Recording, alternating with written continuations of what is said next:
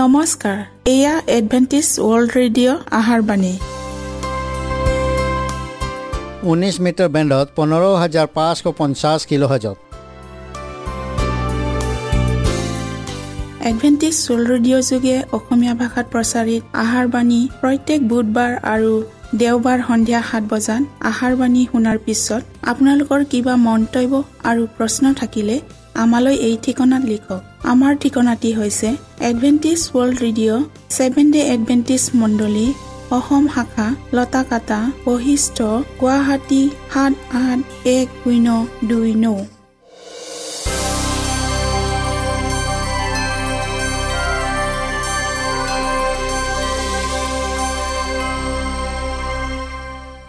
প্ৰিয় শ্ৰোতা বন্ধুসকল এতিয়া শুনো আহক এটি খ্ৰীষ্টীয় ধৰ্মীয় গীত।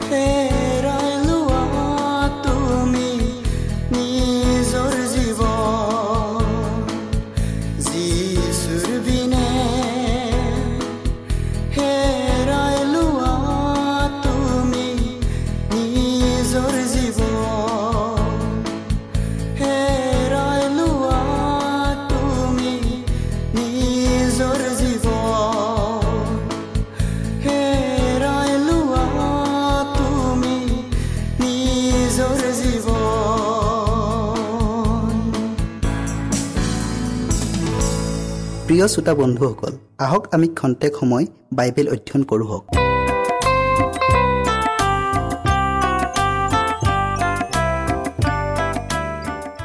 আজি আমি প্ৰকাশিত বাক্যৰ চতুৰ্থ ভাগ আলোচনা কৰিম।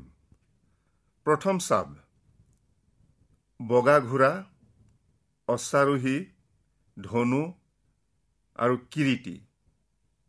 জয় কৰি কৰি জয় কৰিবলৈ ওলাই গ'ল। বগাৰ অৰ্থ পবিত্ৰ খ্ৰীষ্ট আৰু পাচনিবিলাকৰ সময়ৰ পৰা এশ খ্ৰীষ্টাব্দলৈ খ্ৰীষ্টীয়ৰ নিষ্কলংকিত পবিত্ৰ মণ্ডলীক বুজায়। ঘোঁৰাৰ অৰ্থ আগুৱাই যোৱা বা আগবাঢ়ি যোৱাক বুজাইছে। ইয়াত ধনুৱে কুশক্তিৰ বিৰুদ্ধে যুদ্ধ কৰি নাশ কৰা বুজাইছে। কিৰিটিয়ে জয়যুক্ত হোৱাৰ পৰিণাম বুজাইছে।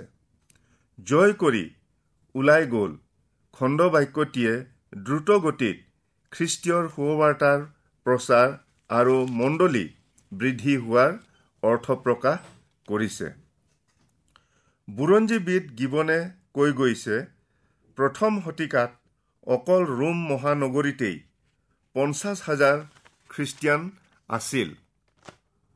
মণ্ডলীৰ অখ্যাত নামী বিশ্বাসীবিলাকে দেৱপূজক আন্ত্যখীয়া নগৰত সুবাৰ্তা প্ৰচাৰ কৰিছিল য'ত প্ৰায় এক লাখ বিশ্বাসী লোক আছিল। আনকি সমগ্ৰ ৰোম সাম্ৰাজ্যত পাঁচ নিযুত খ্ৰীষ্টিয়ান আছিল। দ্বিতীয় চাব। ৰঙা ঘোঁৰা অশ্বাৰোহী এখন বৰ তৰোৱাল আৰু পৃথিৱীৰ পৰা শান্তি দূৰ কৰিবলৈ দিয়া হ'ল। ৰঙাৰ অৰ্থ বিপদৰ সংকেত। আনহাতে ৰক্তপাত শ্বহীদ আদিকো বুজায়।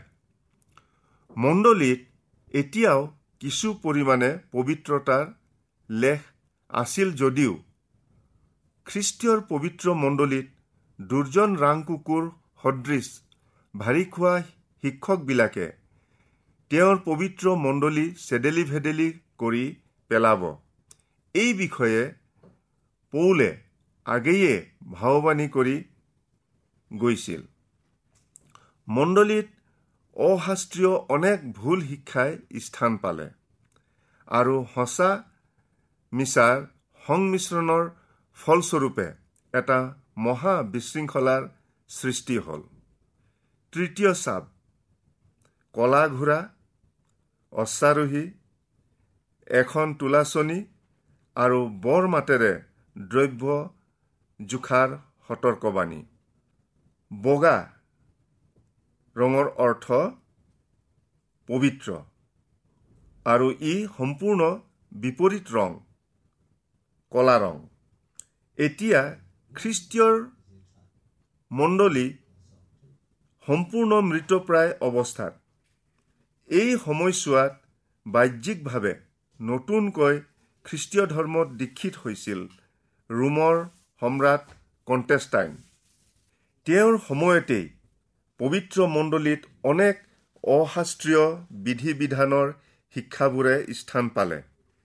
পূপৰ সৰ্বজনীন অধিপত্যৰ বিকাশ ঘটাবলৈ কণ্টেষ্টাইনে ৰোমৰ দেৱপূজক সমাজৰ অখ্ৰীষ্টীয় অনেক নীতি নিয়ম খ্ৰীষ্টীয় ধৰ্মত সুমুৱাই পালন কৰিবলৈ বাধ্য কৰালে।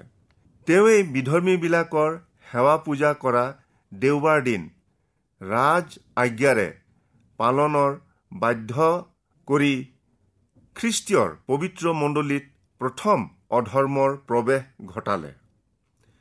খ্ৰীষ্টীয় মণ্ডলীত ঈশ্বৰৰ পবিত্ৰ বাইবেল শাস্ত্ৰৰ সলনি পৰম্পৰাগতভাৱে চলি অহা কিংবদন্তী প্ৰবাদবিলাকৰ ওপৰত অধিক ভৰসা কৰিবলৈ শিক্ষা দিয়া হ'ল। ঈশ্বৰৰ বাক্যলৈ সম্পূৰ্ণ পিঠি দি মণ্ডলীত যুক্তিবিহীন ধৰ্মবিশ্বাস আৰু কুসংস্কাৰেৰে ভৰপূৰ কৰিলে। সাধু সন্ত মৃতকৰ স্মৃতি চিহ্নৰ প্ৰতি সন্মান প্ৰদৰ্শন পাৰ্গেটৰী নামৰ কাল্পনিক নৰক এখনৰ মত পোষণ জেৰুচালেম নগৰৰ পবিত্ৰ ধূলি আৰু জন টেটজেল নামৰ নামী দামী ৰোমান কেথলিক এজনে খ্ৰীষ্টিয়ান সমাজক স্বৰ্গলাভৰ আশাৰ লোভ দেখুৱাই ক্ষমাপত্ৰ বিক্ৰী শোভাযাত্ৰা ইত্যাদি ইত্যাদি অগণন অশাস্ত্ৰীয় শিক্ষাত বুৰ গৈ খ্ৰীষ্টীয় মণ্ডলী মৃত্যুত পতিত হ'ল। ওপৰৰ বেহা বেপাৰৰ পাল্লাখনেই এইবোৰৰ প্ৰতীকস্বৰূপ আছিল। যিয়েই নহওক এই কলা ঘোঁৰাত উঠাজনক কিছুমান কাৰ্যত সীমাবদ্ধ কৰা হৈছিল। যেনে আন আন দ্ৰব্যৰ বেহা বেপাৰ কৰিলেও তেল আৰু দ্ৰাক্ষাৰসৰ ওপৰত ব্যৱসায়ৰ অধিকাৰ দিয়া নাছিল। কিয়নো তেল ঈশ্বৰৰ আত্মা আৰু দ্ৰাক্ষাৰসে আত্মিক আনন্দ বুজায়। এই দুয়োটা বস্তুৰ ওপৰত ছয়তানৰ অধিকাৰ নাই। চতুৰ্থ চাপ নিস্তেজ ঘোঁৰা। নিস্তেজ ঘোঁৰা অশ্বাৰোহীজনৰ নাম মৃত্যু পৰলোকে অনুসৰণ কৰা তৰোৱাল আকাল মৃত্যু আৰু বনৰীয়া জন্তু বধিবৰ ক্ষমতা দিয়া হ'ল।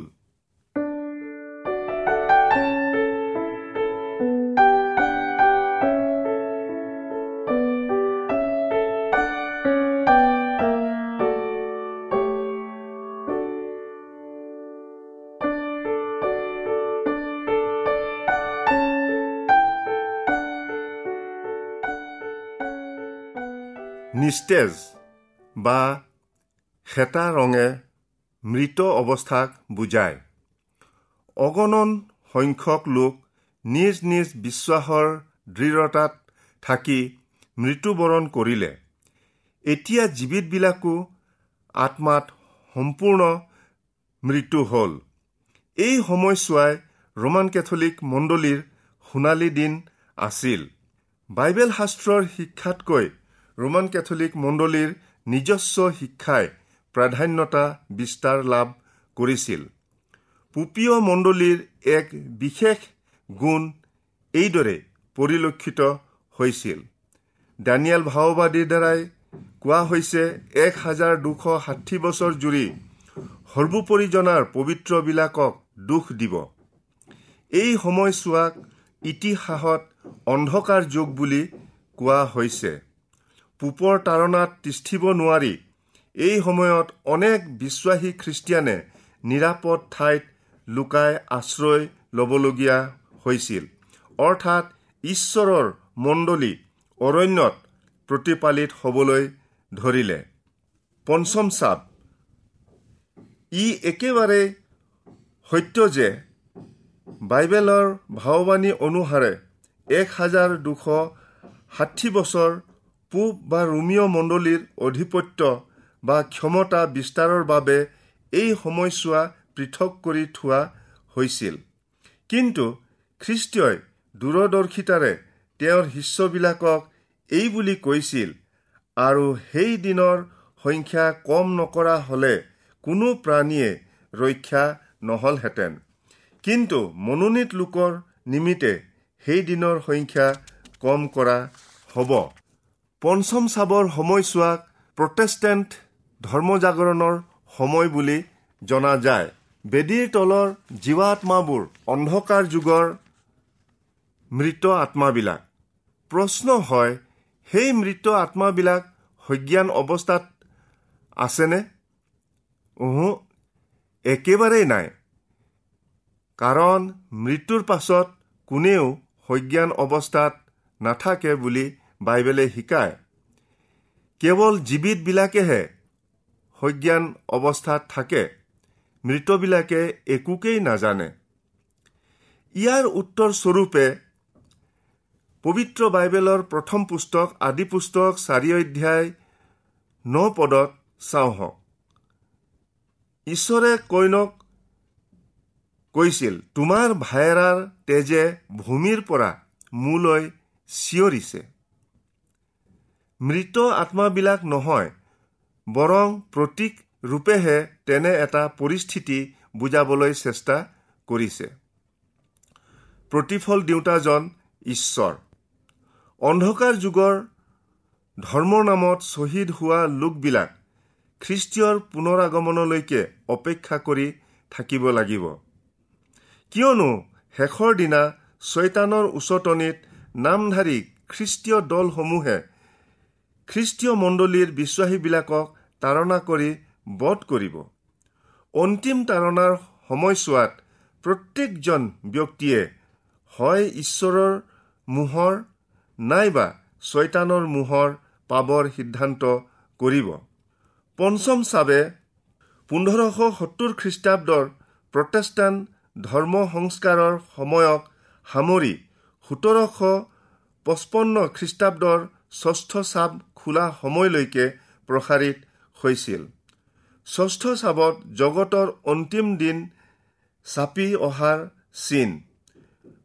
প্ৰকৃত দৃষ্টিভংগীৰে সৈতে নানা লক্ষণসমূহ স্পষ্টৰূপে দেখুওৱা হৈছে। ষষ্ঠ চাপ সোতৰশ পঁচপন্ন খ্ৰীষ্টাব্দৰ পৰা শেষ দিনলৈকে।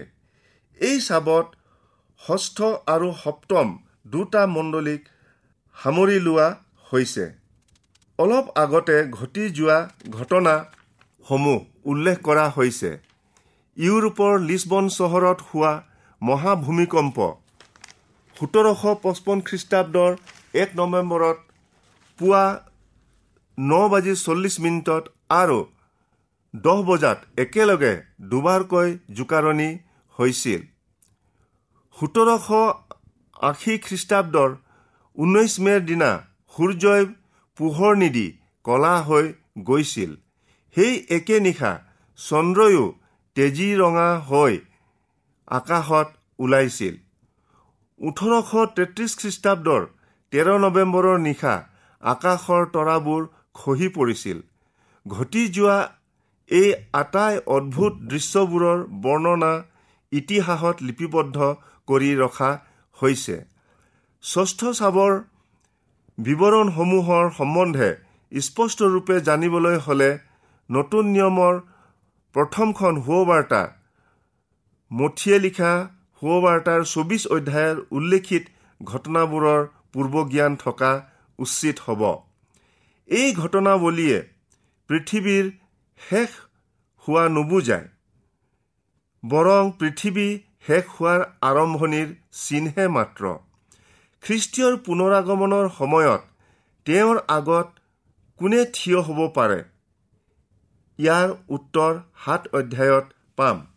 প্ৰথম পদত চাৰিজন স্বৰ্গদূত আৰু চাৰি বায়ু বা চুক এই খণ্ড বাক্যবোৰে কোনো স্থানীয় ঠাই নহয় বৰং বিশ্বব্যাপী হোৱা অৰ্থত বুজায়। বায়ুৱে যুদ্ধ সুৰামোৰা নানা অশান্তিক বুজায়। ঈশ্বৰৰ মোহৰ বা চাপ পোৱা লোকেহে তেওঁৰ আগত থিয় হ'ব পাৰিব। উদাহৰণস্বৰূপে নোহ আৰু তেওঁৰ পৰিয়ালে ঈশ্বৰৰ চাপ পাইছিল। সেয়ে জলপ্লাৱনৰ সময়ত জীৱ জন্তু পশু পক্ষীবোৰৰ সৈতে জাহাজত নিৰাপদে আছিল। জাহাজৰ দুৱাৰ স্বয়ং ঈশ্বৰেই বন্ধ কৰিছিল। অৰ্থাৎ দুৱাৰত নিজৰ মোহৰ বা চাপ মাৰিলে। ঈশ্বৰৰ লোকবিলাকক চাপ মৰাৰ পিছতেহে ঈশ্বৰ বিৰোধী দুষ্ট লোকবিলাকৰ ওপৰত সাতোটা উৎপাত বৰ্ষাব। ঈশ্বৰৰ লোকবিলাকৰ কপালত চিন বা চাপ বা মোহৰ দিয়াৰ পাছতেহে দুষ্টবিলাকক বিনষ্ট কৰাৰ আদেশ দিলে।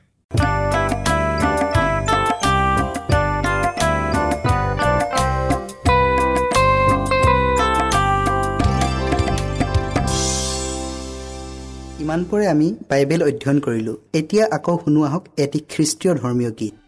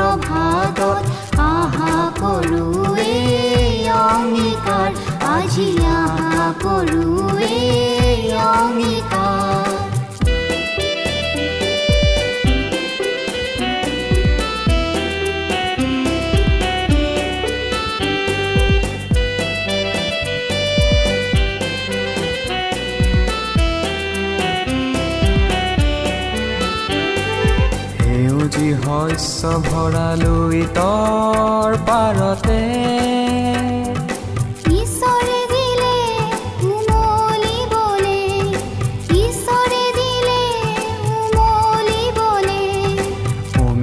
মাধুৰী সানি প্ৰেমৰ বাণীৰে।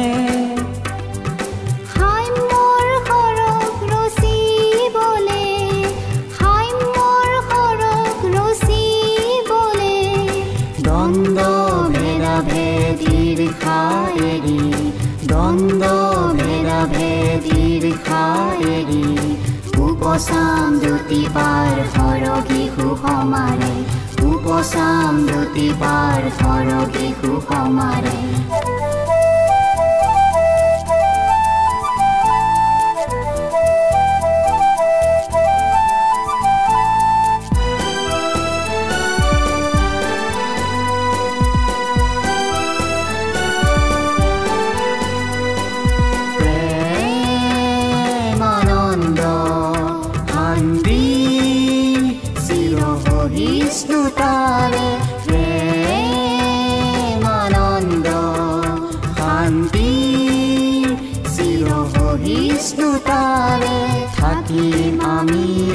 আত্মাৰ বসতে আত্মাৰ বসতে। নৱবৰষৰ নতুন প্ৰভাতত আশা কৰোৱে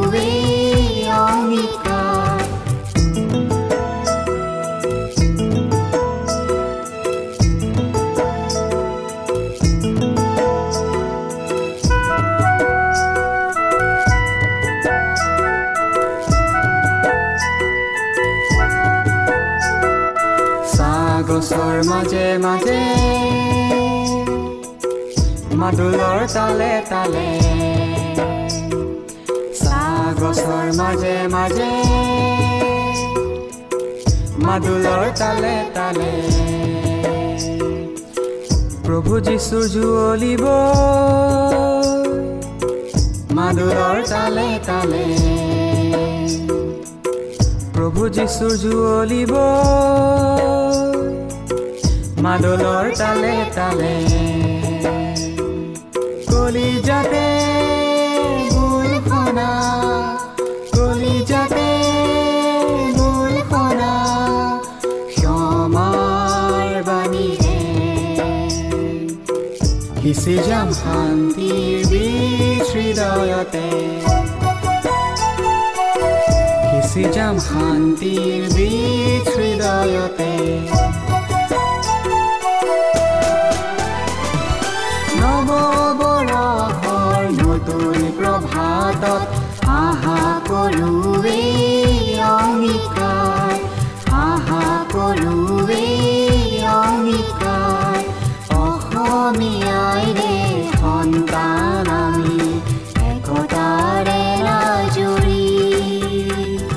যিচুৰ নামতে থাকিম ৰঙেৰে ধৰাৰ বুকু কৰি ধৰাৰ বুকু কৰি ধৰাৰ বুকু কৰি মনত ৰাখিব আমাৰ ঠিকনাটি পুনৰ কৈ দিছোঁ।